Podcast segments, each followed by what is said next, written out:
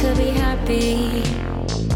Cause it looks like we all don't know. Glass half full or empty. Man, we just putting on a show. We try to look to the heavens to tell us things that we beg to know. Like, what did this all mean? If there's no tomorrow,